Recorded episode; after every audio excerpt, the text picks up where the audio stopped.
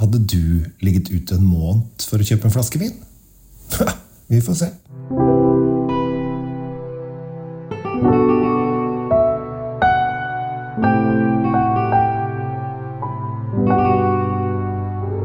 Hei og hjertelig velkommen til en ny episode av Kjells vinkjeller. Nå er tiden inne.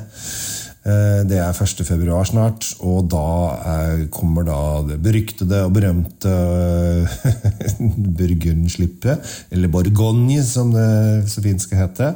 Eh, Selv om vi kommer til å kalle det Burgund eh, i alle år, for dette er mye lettere å si også. Jeanne d'Arc eh, kjempet jo for burgunderne. Men uansett, eh, det er jo da det mest berømte og beryktede slippet på eh, polet. Det er da folk legger seg utenfor i ukevis for å få komme først i køen og få tak i de vinene som de vil ha. Eh, Faktisk så var det klokken to om natten natt til 1. januar. Så la de første to Fire, tror jeg det var. De fire, tre-fire første la seg det. Eh, For å da ligge der en hel måned. eh, Og nå har de bygd en sånn liten teltleir på utsida. Nå er det ikke mange dagene igjen til de kan få lov å bruke hundretusener av kroner for å skaffe seg disse vinene. Og da er det jo en del spørsmål som stilles. For det første, er det verdt det? Eh, Hvordan kan man ta seg råd til å ta fri en hel måned fra arbeid, for så å bruke flere hundre tusener osv.? Eh, Og det er jo selvfølgelig mange ting som slår inn der. Og jeg eh, var, eh, har vært og snakka med de i, som ligger der, for jeg var innom polet der i forrige uke og gjorde en podkast som kommer snart. Da snakker jeg om Burgund generelt. Og da tok jeg en liten prat med de som satt på utsiden der, og de hadde det veldig hyggelig. Det, det som jeg syntes var litt rart, var at de drakk ikke vin. Eh, når det var det. Nei, det var nesten ikke noe vindrikking. Altså, jeg, skulle jeg sittet utenfor polet i én måned i januar, når det har vært minus 20 en drøss av dager, skal jeg love deg at jeg hadde drukket vin. Det var det som har fått meg til å holde humøret oppe. Kanskje litt vanskelig når man skal gå på toalettet, og sånn, men det, det får bare være. Men de ligger der nå, eh, og jeg var så heldig å være en av de som blir invitert til presseslippet på Burgund. Eh, Vi var vel en 10-11 stykk, jeg telte jo ikke helt opp, men 10-11-12 stykk, som er med på den smakingen. Det ble åpnet vin for 118 000 kroner eh, til det slippet. Nå var det 71 flasker som ble fordelt, men fortsatt 118 000 er jo litt. Men den ene vinen kostet da 27 500 kroner. Så den trekker jo da opp den summen ganske betraktelig. Og så var det også en, eh, en vin til en 6000 og et eller annet 6666, kanskje det var det? Ja, det hadde vært noe. Men stort sett så ligger eh, veldig mange av de vinene eh, vi smakte på, ligger da mellom en 450 til en 1100-1200 kroner. Eh, og det var veldig mye bra. 2021-årgangen er jo på en måte den som det slipper nå. Det er det som er, er årgangen. Og 2021-årgangen er en god årgang. Den er kanskje litt Veldig mange sier at den er litt sånn typisk klassisk. Eh, Og hva menes med det, da? Eh, Jo, at den er litt sånn som det var i gamle dager. eh, Vi menes det. At den har litt sånn derre typisk gode 90-talls- eller 70-tallsårganger, sier de som har opplevd lenge. Det er Så lenge har ikke jeg Eller jeg levde på 70-tallet, men jeg, jeg jeg hadde ikke, Da drakk jeg i hvert fall ikke vin, for jeg ble født på 70-tallet. Um, men jeg har ikke smakt så mye fra 70 på Burgund, og så derfor kan jeg ikke helt si det. Så det får jeg egentlig bare si at da tror jeg på det. Men det ble jo veldig mange eh, sånn over 90 poeng-viner. Men det blir det jo fort da når det er en god vin som koster 1200-1500 kroner, så, så bør den jo være på 90-tallet når det gjelder poengskala. Den bør være en god vin. Altså, det er veldig trist å, å kjøpe en vin til 1000 kroner som ikke smaker noe særlig. Det er jo veldig dumt. Jeg, vil si at jeg oppfatter at de røde var bedre enn de hvite. Sånn på generell eh, basis var de røde bedre enn de hvite. Um, og, øh, men det, altså for all del, det var bra på, på hvitt også. Um, faktisk var det bare én som jeg syns var skikkelig trist. Eh, og det, det, var, altså det var sånn der Jøss, dette her var eh, rett og slett svakt.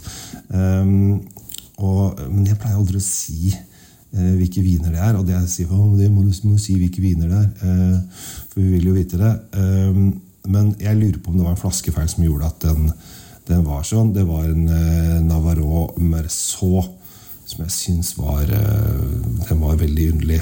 men ellers så har jeg ser jeg på, på, notatene mine her at jeg ligger jo stort sett på en 91, 90, 91, 90, noe 89, 92 og så videre. Så det hopper veldig opp og ned. Um, men jeg, det, jeg, må jo da Altså, det var Jeg ga en 100 poenger. Og det det var uh, det, Egentlig så er det litt overraskende. Uh, nei, det er ikke overraskende, egentlig, men det er litt overraskende for min del. egentlig, fordi at jeg jeg syns at når ting blir veldig veldig, veldig dyrt, så, så syns jeg det også blir litt sånn tøysete. Og da blir jeg litt sånn jeg blir sånn, åh, Da må det være bra, liksom. Eh, og det er jo da Romani Conti sin Sant Vivian. kommer 48 flasker. Det koster 27 500 kroner flaska. Og den var, altså det var helt fantastisk. Den var så fløyelsmyk og lekker i munnen og hadde en fylde og en konsentrasjon som var helt unik. Eh, så det var rett og slett skikkelig sånn Å, herregud, dette var godt. Eh, og det er antageligvis kanskje en av de aller beste vinene jeg har smakt. Og jeg spytta jo på denne, denne smakingen. Jeg må innrømme da at jeg spytta litt, og så tok jeg den siste sluken, og så svelgte jeg da. For jeg tenkte at det, det må jeg unne meg når jeg først eh, har muligheten. Den er dog lagra ett år lenger enn alle de andre, så det er en 2020-årgang. Så de holder den igjen ett år på flaske. Eh, så det er jo et godt tegn for de som kjøpte viner i fjor, som var 2020, for 2020-årgangen var veldig veldig bra. Eh, men tilbake til denne Romani eh, Conti Saint Vivia. Det kommer da 48 flasker, eller noe sånt. Det er jo da et par kasser. Og koster da som kvart 100 000 lapp for dere som driver med 100 000 lapper. Og jeg har ikke 27 000 kroner på å bruke på en vin, eh, men hvis noen har det, så må de gjerne invitere meg, og så skal jeg komme og drikke. Men det som er da eh, unikt for Norge her, at denne vinen kan du selge for 250 000 i nesten hvilket som helst annet land.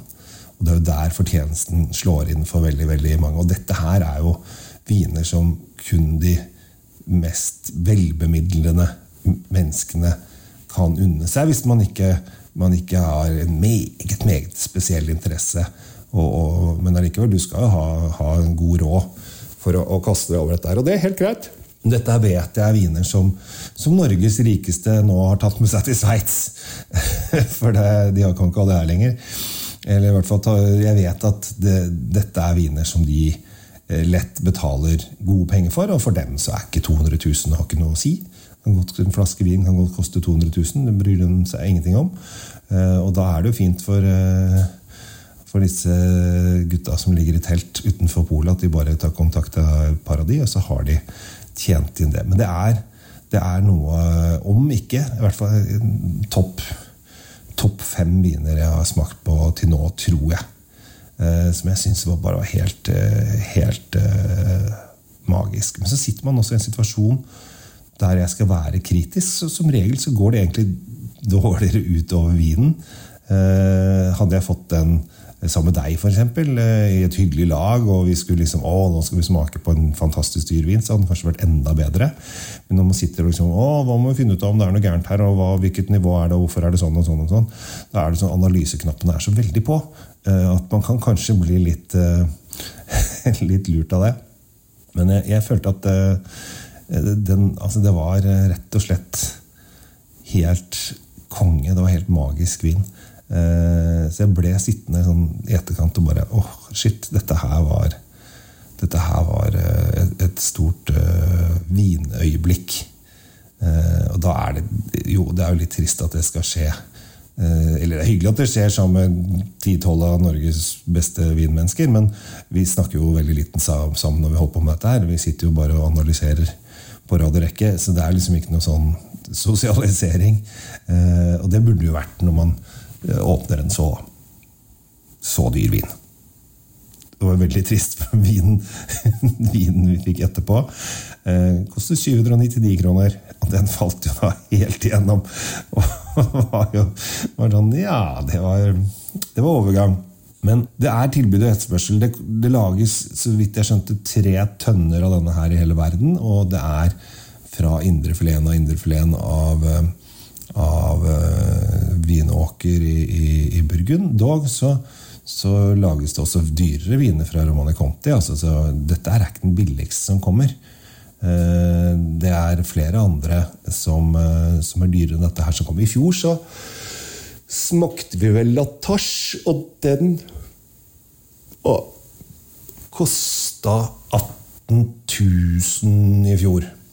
Så nå, de, nå smakte vi på en litt dyrere en. Og så er det jo den debatten, og den debatten kan man jo ha om bør Vinmonopolet åpne viner for 120 000 kroner for ti personer for at de skal smake på det og analysere det, når kanskje ingen får muligheten til å kjøpe Eller de som kjøper det, det kommer i så små kvanta da, at eh, det kommer liksom Det kommer 30 viner, 28, 48 Noen kommer det opp til 300 vinnere eh, av de vi smakte, så det er jo noen som kommer i litt større kvanta. Eh, men den debatten kan man jo alltids ta. Eh, og det, når jeg sendte, sendte, ut tok bilder av dette og la det ut i sosiale medier, så fikk jeg 'Å, Redutte, skattepengene mine går til?' Så bare ja, indirekte så er det det. Og da eh, er jo da til analyse for vineksperter um, går det noen penger. Og så går det mye andre penger til andre ting også. Det er mye skattepenger som brukes hvert eneste år. Så jeg syns kanskje ikke uh, dette var det verste, um, må jeg si. Eh, så, men jeg, jeg, jeg, skjønner det, og jeg, jeg vil også eh, altså Jeg får full forståelse for folk som syns at det, dette her er, er mye. Men det, sånn er det. Eh, så når, Dette er måten Vinmonopolet legger opp til dette her. Da. Og det var jo I fjor så uh, ville jo de på polet For det er jo da hovedsakelig Aker Brygge-polet. Uh, og så er det Valkendorfs gate i Bergen som får disse vinene. Eh, så er det noen som blir allokert i Sandnes, og noen som kommer til andre steder. og Hamar blant annet. Så det kommer til, er det, sju pol som er valgt ut, så vidt jeg husker. Kan hende at det er et par til. Altså, men sju hovedpol som får eh, en del av de lokasjonene som har da uh, mye viner. Og når det kommer veldig få viner, så det, kommer det bare ned på veldig, veldig få pol. Men i fjor så var det da en vin som kom i tolv flasker, og så fant Aker Brygge-folka ut at de måtte smake på den for å finne ut hva det var, så de åpna den ene dagen før. Og så har de, de sitter, altså I den køen så sitter de og forteller folk ja, jeg skal ha to av den og to av den og to av den og tre av den og fem av den og. Så, videre. så han hadde regna, han som var da nummer 14 i køen, eller hva det var for noe, han hadde funnet ut at ja, greit, den, den kom tolv flasker, er elleve går før meg, ser jeg. Da får jeg en tolvte flaska. Så kommer han og bare ja, skal jeg den? Nei, der var det tomt, for den smakte vi i går. Så han var jo opprørt over det, da, og det er jo forståelig hvis det er eh, noe du er på jakt etter. Men igjen tilbake til pris. Altså Mye av dette her eh, koster jo da, som, som jeg fortalte, 800-900 Veldig mye som ligger sånn 1100 000, 990 Men også noen nede i 600-700 kroners uh, sjiktet. Men de som ofte ligger da som koster 1200-1300 kroner flaska, de syns jeg er en 300 kroner for dyre. Jeg, jeg syns ikke en flaske med pinot noir i den, i den, stilen ofte bør koste mer enn 900 kroner hvis den koster 1200. Koster den eh, 780 kroner, så skal den selvfølgelig ikke ned 300 kroner, men da kunne den kanskje gått ned, litt ned på 300-tallet. Eh, for jeg syns at det, det begynner å bli Altså, det er god vin. For all del. Det er kjempegodt, og det er veldig bra. Høy kvalitet, gode, gode produsenter. Lager nydelige viner. Eh, men, og alt har blitt dyrere. Alt, jeg, alt, jeg skjønner alt. Men jeg mener nå at nå har jo litt sånn nesten kommuneviner begynt å, å koste 500 kroner flaska. Og det syns jeg er litt for mye. Så det må vi Det er kritikken. Men etterspørsel, tilbud, alle vil ha Ja, ja, ja, jeg skjønner, skjønner. Og vi er griseheldige, vi i Norge, som har så stor tilgang på Burgund en gang i håret som vi har. For at vi er i en, sitter i en ekstremt god posisjon. Altså i Danmark Dra til Danmark. Det har ikke sjans, De er ikke i nærheten av å få tak i det vi får tak i. Og folk kommer gjerne utenlandsfra til Norge for å få smake på det vi får tak i. Så dette her er kjempebra. Så eh, hvis du har tenkt å legge deg utenfor polet nå, og det kan du rekke, eh, for det er ikke 1.2 helt ennå, eh, så kommer du et stykke bak i køen. Det vil du nok gjøre. Men da vil jeg anbefale å kanskje gå for de 400-500-600 kroners vinene. Eh, for der syns jeg at kvaliteten var såpass god og høy eh, at den fortsatt forsvarer eh, prisen. Mens når det begynner å bli 1000 kroner, så syns jeg det skulle vært 200-300 kroner billigere. Men jeg har ikke en fet lommebok, så jeg skal ikke sette meg den køen allerede. Jeg har jo fått smake 71 av det allerede og er strålende fornøyd med det. Men det begynner å bli, må være holden for å få, få tak i noe av dette her, men det er av og til også så himmelsk godt som da sa Vivia Romani Conti til kun 27 500. Det er ganske Det er ganske drøyt. Det er en uh, månedslønn for mange, det. Så, men sånn er det. Med det så uh, takker jeg for oppmerksomheten. Ønsker alle i køen lykke til. Uh, og så får vi se da uh, hva de får tak i. Uh, jeg regner med at veldig mange av disse vinnene forsvinner i løpet av et par dager uansett. Så dette går fort. Så, men det er lov å komme på, dra på Bor du i Oslo, dra på Aker Bryggepolet sånn i 11-tida. 11-12-tida. kanskje mer 12-1-tida, faktisk. for da har køen gitt seg mye, og så går du og ser hva som er igjen. Og så ser du kanskje du, ja, denne her skal jeg bruke 700-800 kroner på. Det er greit. Så kanskje det blir en, eh, en Volnay Kloster Chance. Eller den som kom da rett etter. Den vinneren drakk rett etter Romani Conti. Den, den, den, er sikkert god, men den hadde ikke kjangs, dessverre. Sånn er det når du blir plassert i rekkefølgen etter det. Men, men. Det er ikke alltid, er ikke alltid man skal lykkes. Eh, men jeg føler at jeg lykkes med denne podkasten her, og jeg takker for at du har lyttet gjennom hele denne episoden. Så da sier jeg at jeg heter Kjell Gobler Henriks. Tusen takk for meg, og ønsker en riktig god dag videre. Og så håper jeg vi ses over et glass vin en gang i fremtiden. Ha det bra!